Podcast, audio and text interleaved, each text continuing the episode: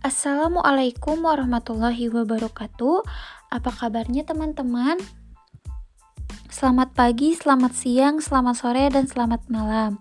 Sebelumnya, perkenalkan saya Debi Indah Saribanon dengan NIM 1900522 dari Pendidikan Keluarga Negaraan 2019A akan mempresentasikan mengenai hasil resumbab saya tentang sumber dan riset online yang diambil dari buku yang berjudul Writing and Reporting News a Coaching Method. Yang mana dalam bab sumber dan riset online ini membahas mengenai bagaimana seorang jurnalis atau seorang reporter itu dapat memperoleh informasi-informasi dari berbagai sumber-sumber yang ada yang nantinya akan dijadikan sebagai bahan untuk membuat sebuah cerita. Nah, dalam bab sumber dan riset online ini pertama-tama dijelaskan mengenai sumber yang digunakan dalam sebuah cerita itu dapat diambil dari data berita yang sebelumnya telah dilakukan oleh stasiun televisi atau surat kabar sebelum-sebelumnya. Sehingga hal tersebut itu dapat memudahkan seorang jurnalis atau seorang reporter untuk mencari berita-berita sebelumnya mengenai topik-topik tertentu. Nah, selain itu juga dalam e, bab ini sumber yang digunakan suatu cerita itu dapat diambil dari internet, seperti dari situs jejaring sosial, blog, dan lain-lain sebagainya. Nah, langsung saja ya teman-teman. Nah, dalam bab sumber dan riset online ini e, dibagi menjadi beberapa sumber dalam memperoleh suatu informasi bagi seorang jurnalis atau reporter. Yang pertama itu ada sumber manusia. Nah, maksud dari sumber manusia ini yakni informasi yang diperoleh dari saksi mata serta partisipan langsung dari suatu kejadian yang mendukung suatu cerita tersebut. Nah, contohnya nih teman-teman, ada berita uh, kebakaran hutan. Nah, seorang jurnalis itu dapat memperoleh suatu, suatu informasi itu dari saksi mata dalam kejadian kebakaran hutan tersebut ataupun bisa dari seorang korban dari kejadian kebakaran hutan tersebut. Nah, yang di mana dapat dikatakan bahwa sumber manusia itu dapat ditemukan dengan cara uh, dapat menghubungi orang yang paling dekat dengan kejadian tersebut. Nah, begitu teman-teman. Nah, lalu di sini yang kedua ada sumber anonim. Nah, apa sih sumber anonim? Nah, sumber anonim itu merupakan e, sumber yang e, biasanya itu tidak disebutkan namanya teman-teman atau istilahnya itu e, sumber rahasia. Biasanya sumber anonim ini e, digunakan secara bergantian oleh kebanyakan orang, teman-teman. Nah, e, namun teman-teman, apabila kita dalam e, membuat suatu cerita menggunakan sumber terus menggunakan sumber anonim ini yang mana sifatnya tidak disebutkan namanya, maka semakin kurang juga gitu teman-teman kredibilitas cerita yang akan kita buat nanti. Karena e, dengan sumber anonim ini akan mempermudah dalam memanipulasi laporan uh, suatu laporan yang uh, disampaikan kepada kita teman-teman. Nah, lalu teman-teman, uh, selanjutnya yang ketiga ada sumber multikultural. Nah, maksud dari sumber multikultural itu di mana suatu informasi itu dapat uh, diperoleh dari berbagai sudut pandang dalam artikel, foto, video, dan media lainnya, teman-teman. Nah, dalam hal ini bagaimana sih kita e, dapat mengembangkan e, sumber multikultural itu? Nah, hal tersebut itu terdapat e, berbagai cara ya, teman-teman. Nah, salah satunya itu dengan menggunakan teknik perjodohan. Nah, yang di mana saat pada saat kita menghubungi salah seorang pemimpin, e, maka kita mencoba untuk meminta mereka itu atau pemimpin itu untuk e, menghubung menghubungkan kita dengan e, anggota lain dari komunitas mereka gitu teman-teman. Nah, itu salah satu caranya. Nah, lalu selanjutnya di sini ada sumber tertulis. Nah, yang dapat kita ketahui ya teman-teman bahwa sumber tertulis ini tentunya sumber yang diperoleh dari dokumen-dokumen. Nah, dalam bab ini itu dijelaskan bahwa sumber tertulis itu dapat e, diperoleh salah satunya dari e, perpustakaan.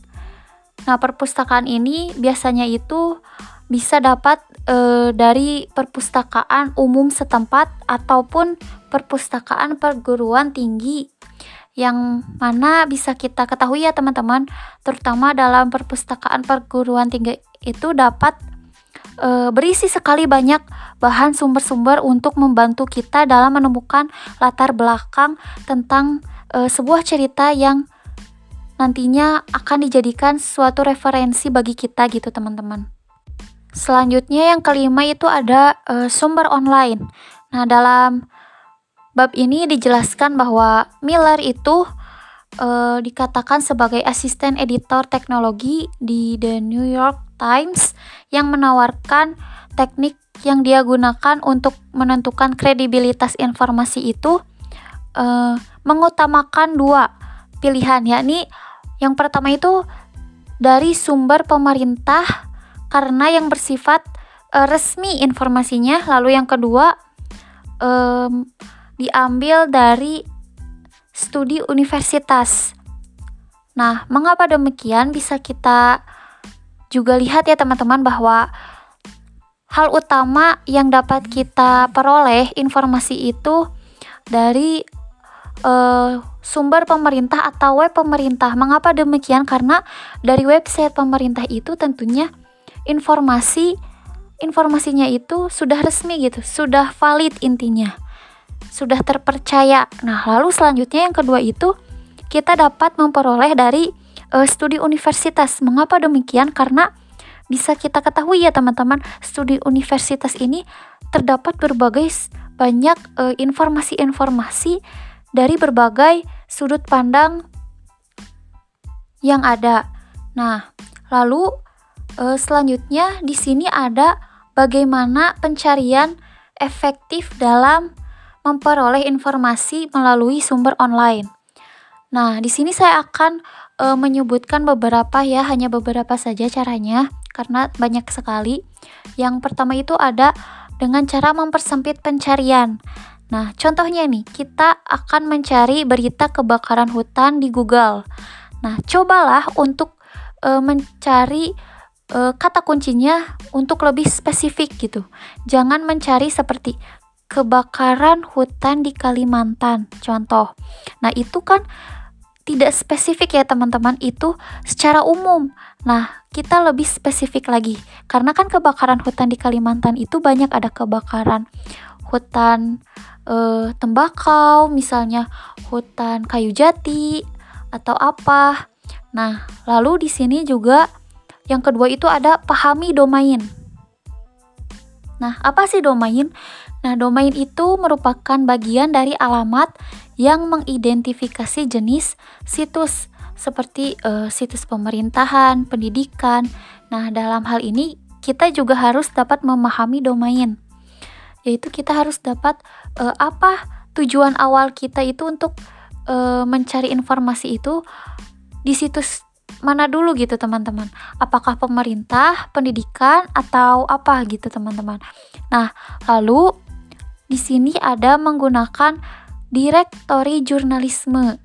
Nah, dalam hal ini bisa saya eh, pahami gitu ya teman-teman bahwa maksud dari menggunakan direktori jurnalisme itu jadi kita menggunakan web-web yang eh, di dalamnya itu terdapat jurnal-jurnal, banyak jurnal-jurnal yang tentunya kita akan mendapatkan informasi-informasi yang banyak gitu teman-teman.